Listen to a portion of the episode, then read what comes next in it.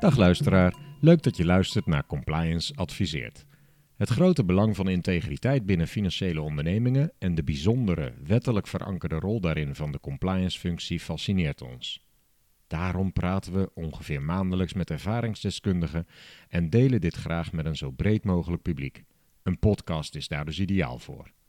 We zijn Niek Reuzelaars, zelfstandig compliance officer, werkzaam via Connective Payments. En ik, Erik Rijssenweber, compliance officer bij Triodos Bank Nederland. En uh, compliance adviseert, abonneer je op deze podcast, zodat je geen gesprek mist. Met het oog op verdere verduurzaming van de financiële sector heeft de EU een aantal wetgevingsinitiatieven opgezet. Wat beoogt de wetgeving precies? Welke partijen en landen zijn in scope? Wat zijn de bepalingen in de wet en wat moet er gebeuren om compliant te zijn met deze regelgeving? Deze en meer vragen leggen we voor aan Klaske Beijer en Nina Peters, ervaren consultants bij Garco en Diek te Amsterdam. Welkom in deze podcast. Vriendelijk dank voor jullie bijdrage aan Compliance Adviseert. Nou, hoi. Leuk dat we hier uh, mogen zijn vandaag. Ik moet er even voor de luisteraar bij zeggen, eh, in verband met COVID-maatregelen hebben we besloten dit op ruim anderhalve meter afstand en wel via Skype te gaan doen. Vandaar dat de geluidskwaliteit iets minder is dan jullie gewend zijn, maar de inhoud zal er niet om leiden, denk ik. Kunnen jullie kort vertellen over jullie ervaring en huidige werkzaamheden bij Garco? Uh, nou, mijn naam is dus Klaske Beijer. Ik heb rechten gestudeerd. Ik ben begonnen in de advocatuur bij Lois en Loef heb na een geruime tijd uh, de overstap gemaakt naar de Nederlandse bank en ben werkzaam geweest als toezichthouder. Heb het compliance vak geleerd bij de Frieslandbank. Dat is een algemene bank, dus ik heb, ben daar breed opgeleid in het compliance vak, zou ik uh, wel willen zeggen. Vervolgens de overstap gemaakt naar de Rabobank. Ik heb daar niet alleen compliance gedaan, maar ook ben ik werkzaam geweest bij operational risk. En toen heb ik de overstap gemaakt naar Charco en Diek. Jij zegt uh, Garco, maar ik denk dat uh, onze bazen het leuk vinden als je Charco en Diek zegt. Daar hou ik me vanaf nu strak aan. Oké, okay, hartstikke goed. mijn, mijn werkzaamheden uh, bestaan uit, ik zou het haast willen zeggen, gewoon compliance werk, governance, maar ook ESG. Vandaar dat ik hier nu virtueel aan tafel zit. Dankjewel. En Nina? Mijn naam is dus Nina Peters. Ik werk net als Klaske bij Charco Diek, nu ongeveer 2,5 jaar. Net als Klaske houd ik me bij Charco Diek bezig met uh, compliance met het algemeen, ook met juridisch advies en met onze applicaties. Maar daarnaast ook vooral heel erg veel met alle regelgeving op het gebied van ESG voor de financiële sector. Vandaar dat ik het ook heel leuk vind dat we daar uh, vandaag iets over mogen komen vertellen. Ja, het lijkt mij ook wel heel boeiend. Maar goed, dat weet ik eigenlijk niet eens precies. Want waar staat ESG nou eigenlijk precies voor? Dat uh, zal ik uh, vertellen, Klaske, voor de luisteraar die nog niet onze stemmen meteen herkent. ESG staat voor Environmental, Social and Governance. Bij environmental denken mensen eigenlijk meteen aan klimaat. En dat is ook een, een belangrijk onderdeel van die E. Maar daar gaat het niet alleen over. Het gaat ook over bijvoorbeeld de uitstoot van broeikasgassen, ontbossing uh, en dat soort zaken. Dus je moet het wel breder zien dan alleen klimaatverandering. De S die staat voor social en dan hebben we het bijvoorbeeld over arbeidsomstandigheden, diversiteit of ongelijkheid. De G staat voor governance en dan hebben we het over goed bestuur, over uh, je houden aan de belastingen, uh, over beloningsbeleid. En ik zeg altijd maar de relatie tussen deze drie. De G is eigenlijk het middel of het instrument om bijvoorbeeld de, aan de S, de sociale uh, ongelijkheid, te voorkomen. Dus we zullen daar straks, uh, als we iets dieper ingaan uh, op de wetgeving, zal je dat ook terugzien, dat die G eigenlijk het middel of het instrument is. En, en waar komt die afkorting precies vandaan dan? Ik bedoel, wie heeft dat geïntroduceerd? Is dit een algemene term of is dit letterlijk verwijzing naar een wetgeving? Nou, de VN is er in eerste instantie mee begonnen met het gebruiken van deze uh, term. Het wordt nu vaak ook gebruikt als uh, meetinstrument hè, om een, om een uh, belegging bijvoorbeeld te klassificeren. En dan wordt vaak ESG gebruikt. Maar het staat ook, althans de E en de S, die staan ook in het EU-verdrag. Dus daar wordt daar ook wat over gezegd. Waarom is ESG relevant voor de financiële sector? En ik begreep, Nina, dat jij daar wat over kon zeggen. Daar zijn eigenlijk twee, um, nou goed, twee hoofdredenen voor. Ten eerste hebben we de financiële sector gewoon nodig om onze duurzaamheidsdoelstellingen te bereiken. Er moet een hele grote verschuiving van uh, kapitaalstromen teweeg worden gebracht. Om jullie even een indruk te geven. Alleen al om de klimaat- en energiedoelen van de Europese Unie te halen van 2030 is per jaar 260 miljard aan extra financiering nodig. Nou, het spreekt voor zich dat de publieke sector dat niet in haar eentje kan opbrengen. Dus er moeten ook meer private kapitaalstromen in de richting van duurzaamheid. En de financiële sector die speelt er natuurlijk een ontzettend grote uh, rol in, omdat de financiële sector eigenlijk beslist wie wel of geen financiering ontvangt en ook onder welke voorwaarden bedrijven, projecten, ondernemingen worden gefinancierd. De tweede reden zit hem eigenlijk aan de risicokant. Er zijn ESG-factoren die een risico kunnen vormen voor financiële ondernemingen. Dus op het gebied van klimaatverandering, het opraken van fossiele brandstoffen. Dat zou ertoe kunnen leiden dat de waarde van beleggingen van financiële ondernemingen vermindert, waardoor zij zelf in financieel risico lopen.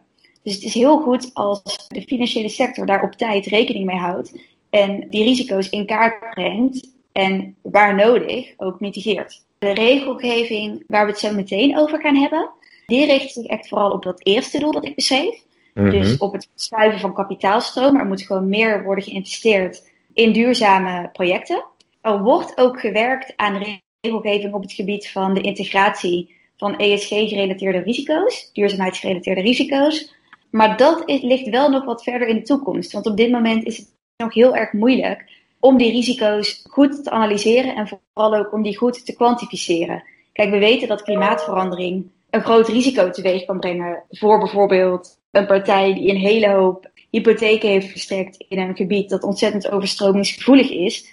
Maar hoe groot dat risico in financiële zin precies is en hoe groot de kans is dat dat zich binnen een bepaalde tijd verwezenlijkt, dat is nu nog heel erg moeilijk uh, te berekenen. Wat doet de wetgever op het gebied van ESG precies?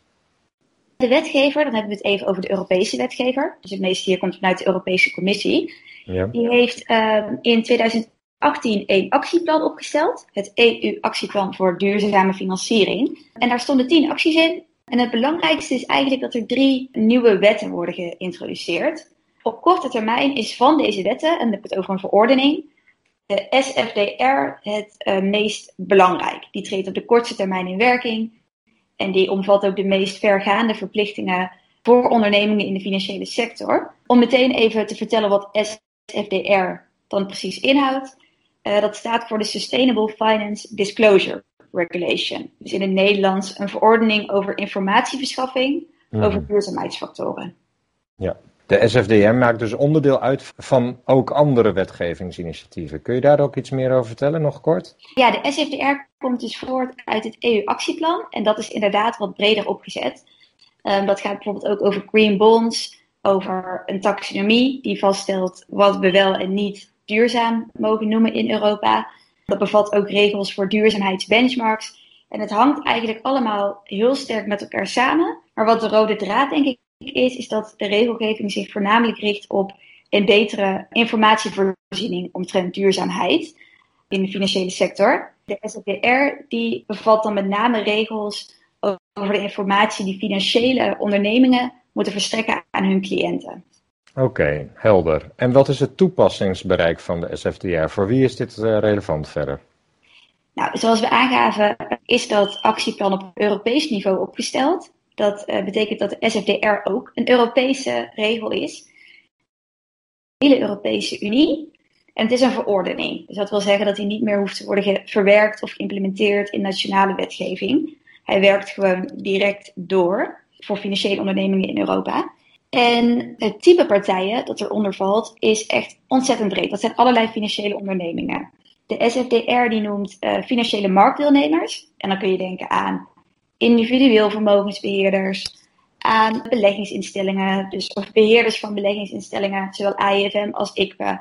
Denk aan IORP, pensioenfondsen. Uh, dus dat is een hele brede groep. Mhm. Daarnaast ziet de SFDR ook op financieel adviseurs. En dan gaat het om beleggingsondernemingen die beleggingsadvies verstrekken. En adviseurs die adviseren over bepaalde verzekeringsproducten. Het is een ontzettend breed toepassingsbereik. En als ik dan kijk naar uh, de regelgeving voor die verschillende partijen, zijn die in principe gewoon gelijk? Of staat er in de SFDR heel duidelijk gespecificeerd, deze partijen moeten hieraan voldoen en financieel adviseurs moeten daaraan voldoen, bijvoorbeeld? Er wordt wel onderscheid gemaakt tussen financiële marktdeelnemers en financieel adviseurs. Dus die marktdeelnemers, dat omvat bijvoorbeeld de beheerders van beleggingsinstellingen of ICBES, beleggingsondernemingen die vermogensbeheer verrichten, et cetera. En die regels wijken wat af van de regels van financieel adviseurs. Maar verder wordt de boel best wel over één kam gescoren. Het is niet zo dat de regels voor een pensioenfonds anders zijn dan, die, dan voor een beheerder van een beleggingsinstelling of voor een individueel vermogensbeheerder. Dus binnen die twee categorieën zijn de regels eigenlijk gelijk. En mhm. dat is ook best wel lastig natuurlijk, want het gaat om informatieverstrekking. En de gangbare informatieverstrekking over bijvoorbeeld een beleggingsfonds in een prospectus ziet er in opzet heel anders uit dan bijvoorbeeld de precontractuele informatie over een pensioenproduct of over individueel vermogensbeheer. Wat voor verplichtingen bevat de SFDR precies? Uh, Klaske, kun jij daar wat meer over vertellen? Ja, nou, de SFDR bevat behoorlijk wat verplichtingen.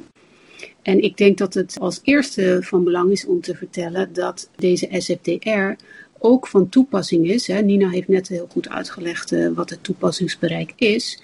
Maar het is ook van toepassing als je denkt, nou, ik heb helemaal niks met uh, duurzaamheid te maken. Dus uh, weet je, die kan, de SFDR die kan ik naast mij neerleggen. Want dat is niet zo. Dat is ook van toepassing als je dus geen specifieke duurzaamheidsdoelstelling hebt. Misschien dat uh, sommige luisteraars ook bekend zijn met een brief van de AFM, een sectorbrief uit juli uh, 2020. Daarin is de AFM ook vrij helder en die zegt ja, jullie moeten gewoon aan deze SFDR uh, eh, gaan voldoen. Ook al hebben jullie misschien uh, in jullie, is jullie klantenkring helemaal niet geïnteresseerd in SFDR of in duurzaamheid. Of zijn jullie helemaal niet van plan om duurzame producten te voeren. Dus dat is denk ik als eerste wel belangrijk om te zeggen. Dat lijkt me op zich ook wel in lijn van de duurzaamheidsdoelstellingen van de EU. Ze kunnen niet uh, zeggen, je, je hoeft er alleen aan te voldoen als je er interesse zelf in hebt of zo. Toch? Of hoe zie jij nou, dat? dat ben ik wel met je eens, maar wij merken wel dat partijen uh, denken, uh, op grond van de reden die ik net noemde, zo van nou ja, wij, wij, dat is onze uh, strategie helemaal niet, dat ze ook het idee hebben dat dit dan niet op hen van toepassing is. Ja, dus de wetgever legt een brede verplichting op om echt iets aan duurzaamheid te doen, ook al was dat niet eens je strategie uh, die je had als beleggingsonderneming. Nou, de wetgever legt op dat je uh, daar uh, informatie Openheid. op moet ja. verstrekken. Ja, ja, dat is waar. Dus de wetgever zal niet zeggen, gij zult duurzaam worden. Maar de wetgever zegt dus wel, u moet wat zeggen over wat u aan duurzaamheid doet. Even nou, in woorden gezegd. We komen straks nog aan de effectiviteit van die SFDR, maar dan eerst nog even inzoomen op die verdere verplichtingen van uh, wat betreft de SFDR.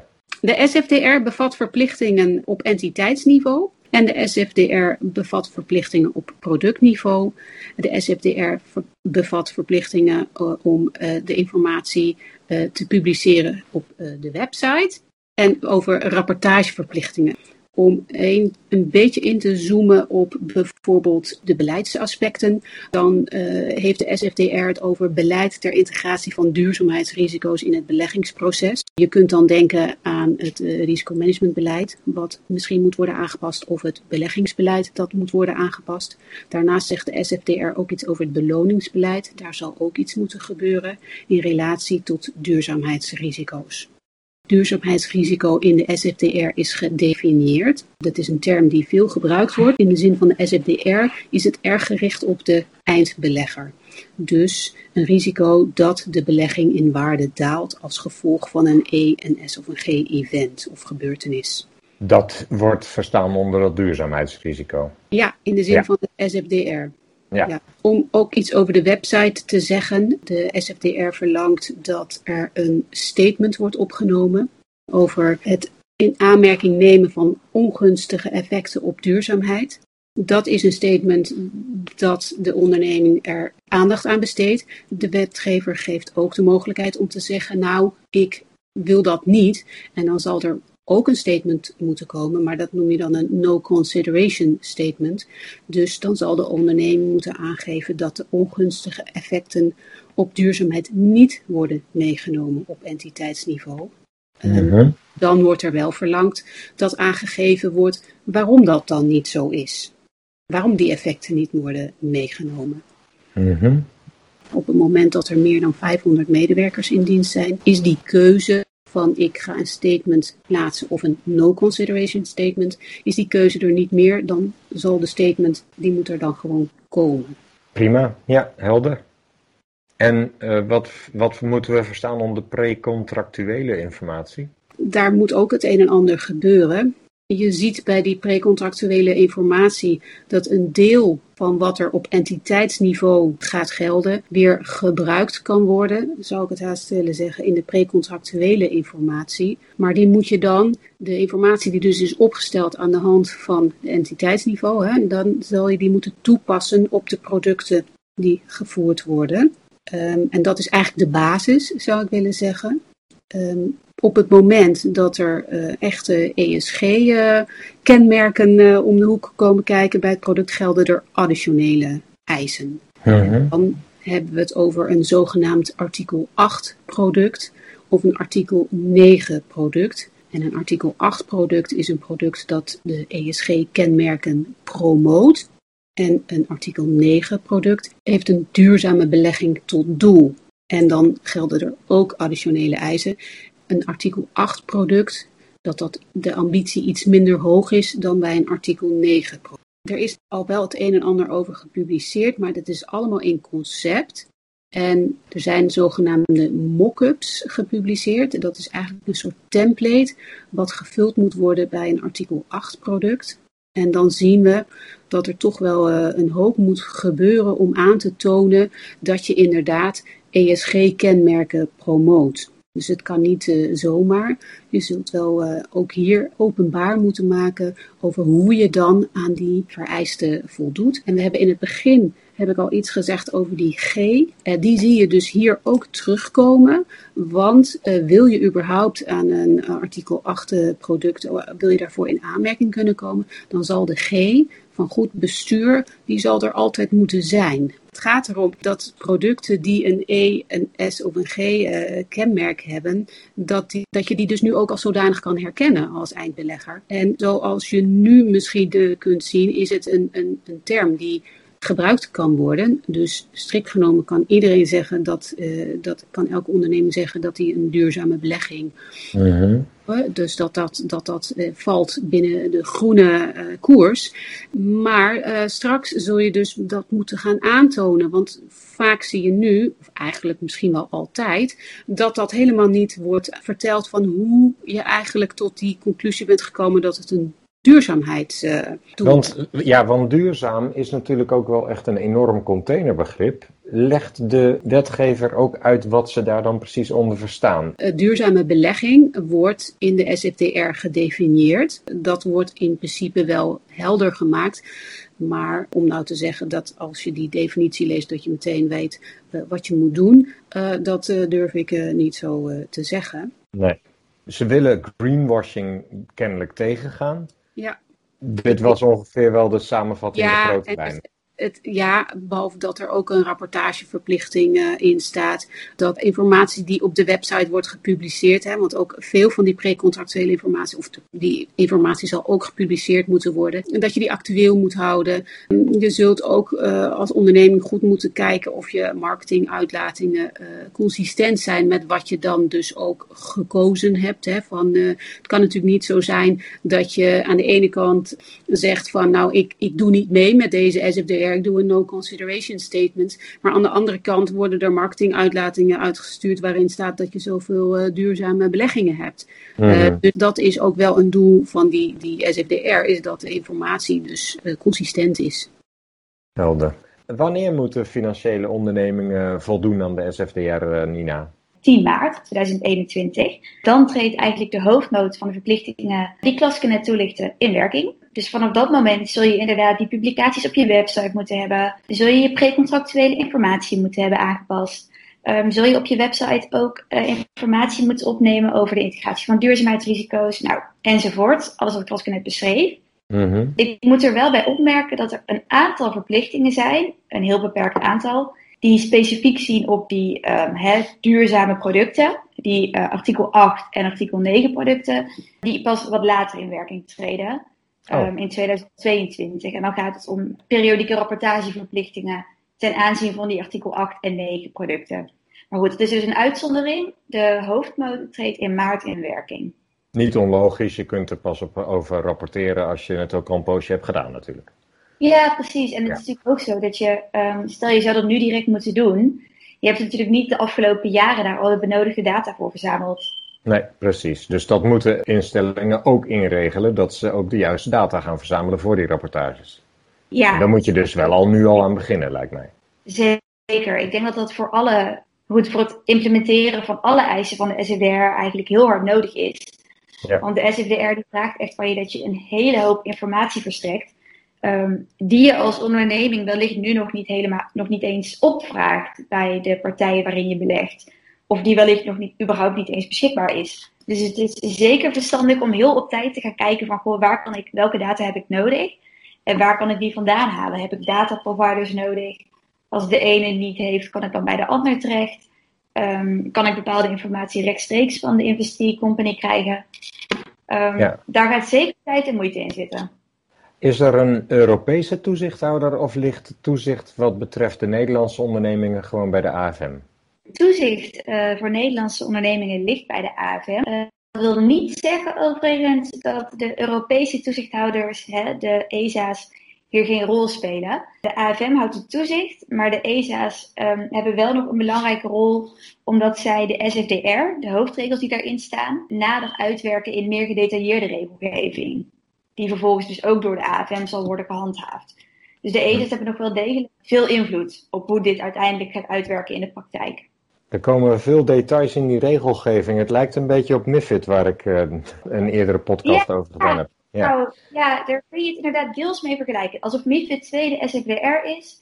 En dan bijvoorbeeld de gedelegeerde verordening uh, 2017-565. Hè, die is dan in eerste instantie ontwikkeld door ESMA. Nou, op vergelijkbare wijze ontwikkelen nu de ESA's ook nadere regels uh, ter uitwerking van die hoofdregels uit de SFDR. Ja, de wetgeving is ook echt rule-based en niet risico-based. Er wordt gewoon precies voorgeschreven, hier moet je aan voldoen, anders is het niet goed.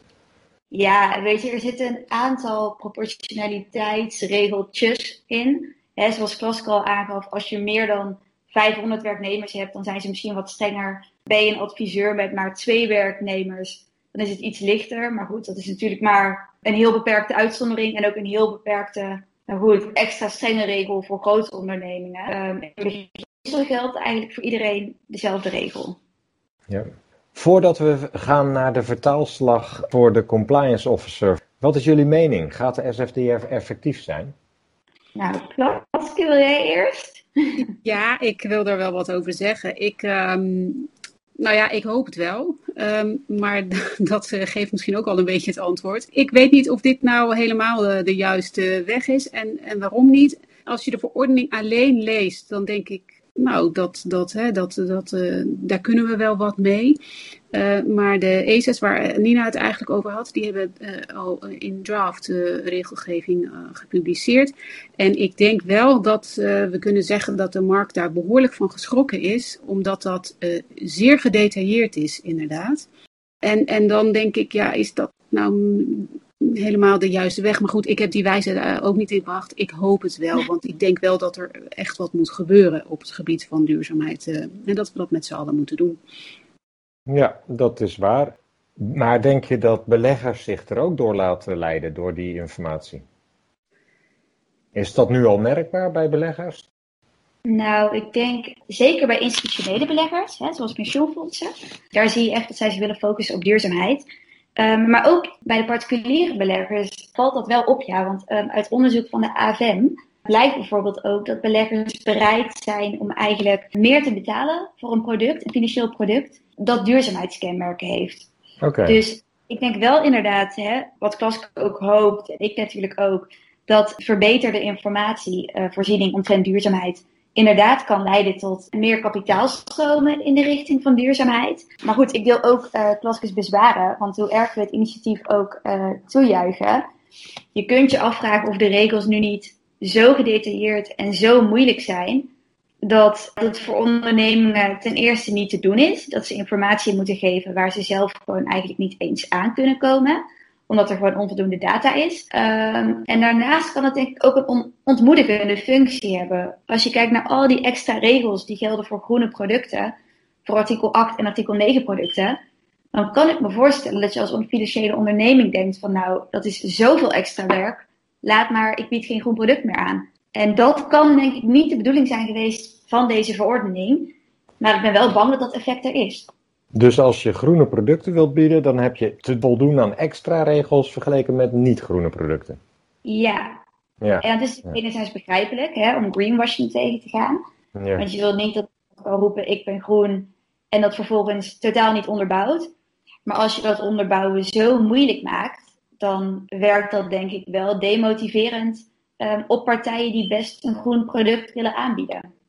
Of juist de partijen die het echt uh, groen hebben, die hebben wat minder moeite om te doen alsof het groen is, want dat is gewoon groen. Terwijl andere partijen inderdaad in de problemen komen. Uh, laten we hopen dat het zo uitpakt. Precies, ja, ja. laten we daarop hopen.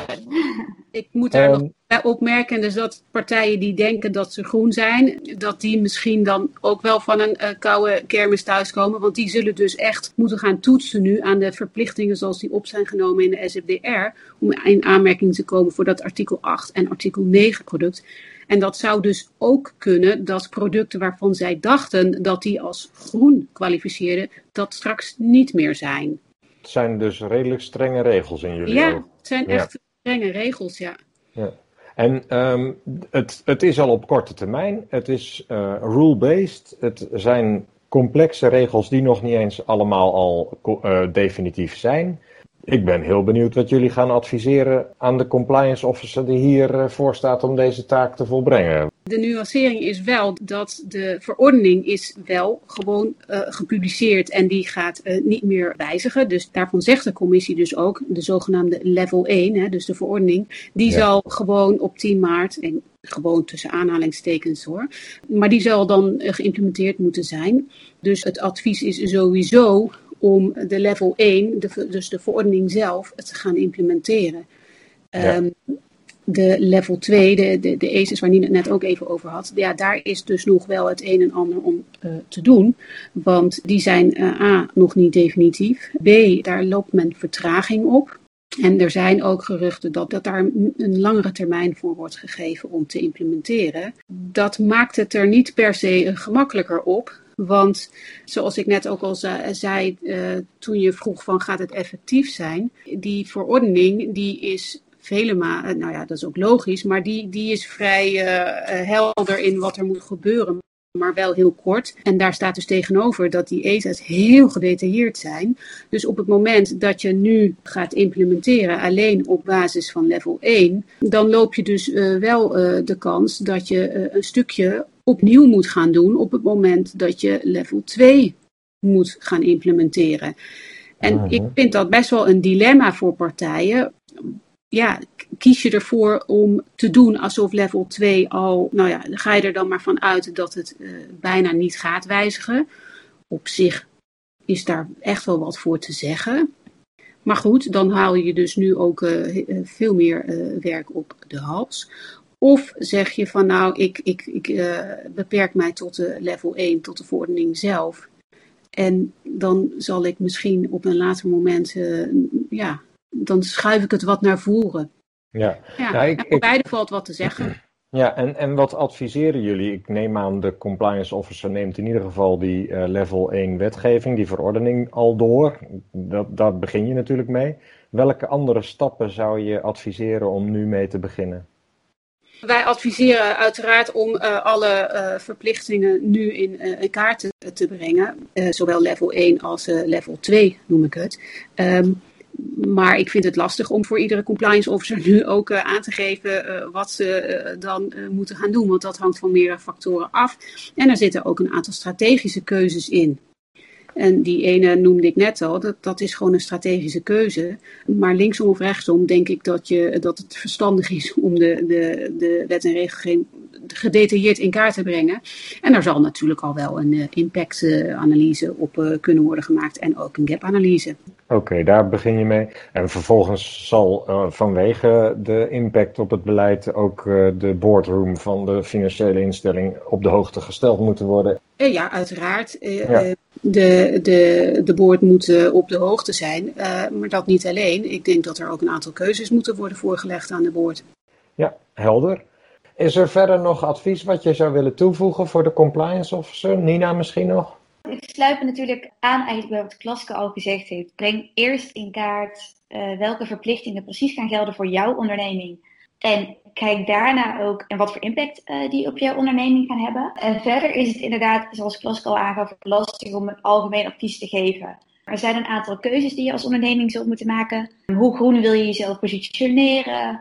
In hoeverre ben je al met verduurzaming bezig? Over welke data beschik je al? Welke data kun je um, makkelijk of minder makkelijk verkrijgen? Dat is heel erg ondernemingsspecifiek hoe je dit aan moet gaan vliegen. Maar kun je bijvoorbeeld al aan de PR-afdeling aangeven waar zij rekening mee moeten gaan houden? Of de marketingafdeling? Ja, dat is uh, goed dat je dat zegt eigenlijk. Um, er zit namelijk ook een specifiek artikel over marketinguitingen in uh, de SFDR. Um, en daarin staat eigenlijk kort gezegd dat de informatie in marketinguitingen, um, alle SFDR-informatie, dus die uit hoofden van de verplichtingen die we hebben besproken, uh, wordt verstrekt, dat dat niet onderling uh, tegenstrijdig mag zijn. Dus die marketingafdeling die moet er inderdaad vanaf maart echt rekening mee houden dat je geen advertentie plaatst met koop ons uh, groene product, beleg in ons duurzame fonds. Terwijl die bewering, die claim, uh, niet wordt gestaafd door de informatie die uit hoofden van de SFDR wordt gestrekt. Um, dus daar moet je zeker rekening mee houden.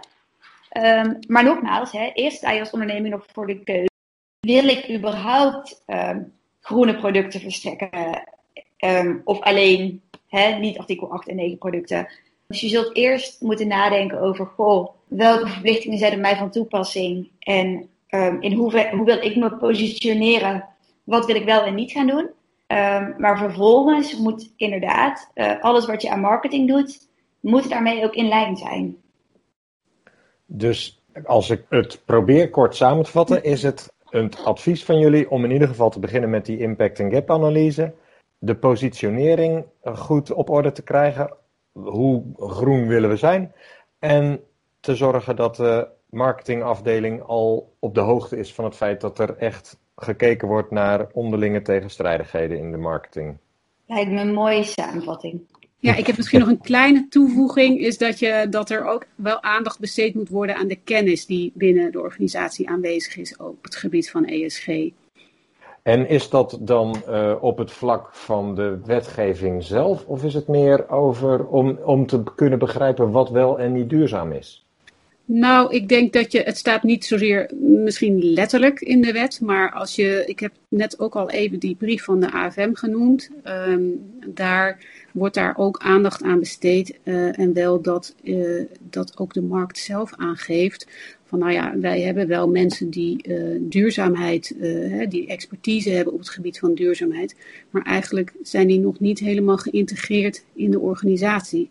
Dan zou je haast kunnen zeggen dat gezegd wordt dat ze wat los op een eilandje staan. En uh, het vloeit wel voort uit bijvoorbeeld de artikelen op entiteitsniveau, dat dat wel de bedoeling is dat, dat duurzaamheid, ja, ik zou haast willen zeggen, in de haarvaten van de onderneming worden ingebed. Ik weet niet of het een goede zin is, maar ik denk dat het wel begrijpt. Uh, ja, die, die, is duidelijk, ja. Ik um, denk dat we het onderwerp uh, goed en helder behandeld hebben, waarvoor mijn dank. Tenzij jullie zelf zeggen, nou, ik wil nog graag dit of dat toevoegen. Dat kan natuurlijk altijd nog. Ik denk uh, dat we de basis besproken hebben. Dus dat, dat er een mooi begin staat. Dan zou ik tot slot willen vragen, en dit vraag ik elke expert in de podcast. Wat is jouw belangrijkste advies op het vlak van compliance? Of het beste advies dat iemand jou ooit gaf? eigenlijk misschien niet één advies, maar waar ik altijd wel, uh, uh, toen ik compliance officer was, wat mij al is bijgebleven, is dat iemand ooit een keer tegen mij zei, het is misschien een beetje een open deur, maar ik zeg het toch, hard op de inhoud, zacht op de relatie.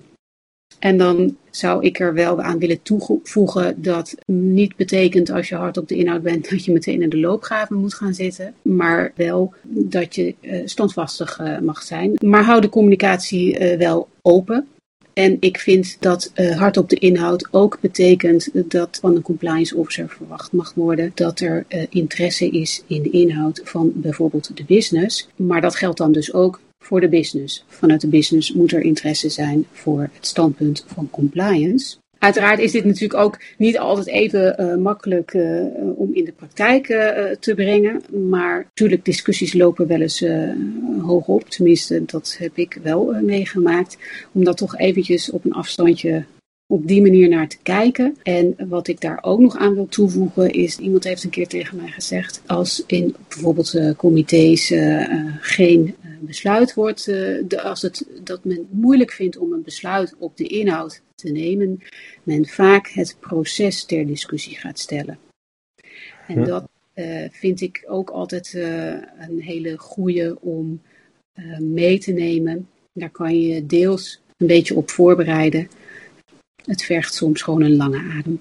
Het is een duursport, heeft iemand ook een keer tegen mij gezegd. Hartelijk bedankt voor deze aanbevelingen, Klaske. En um, aan de luisteraar zou ik nog willen zeggen: abonneer je op de podcast in je favoriete podcast-app en volg de LinkedIn-pagina van Compliance Adviseert. Dan mis je geen enkele podcast. En graag tot de volgende podcast.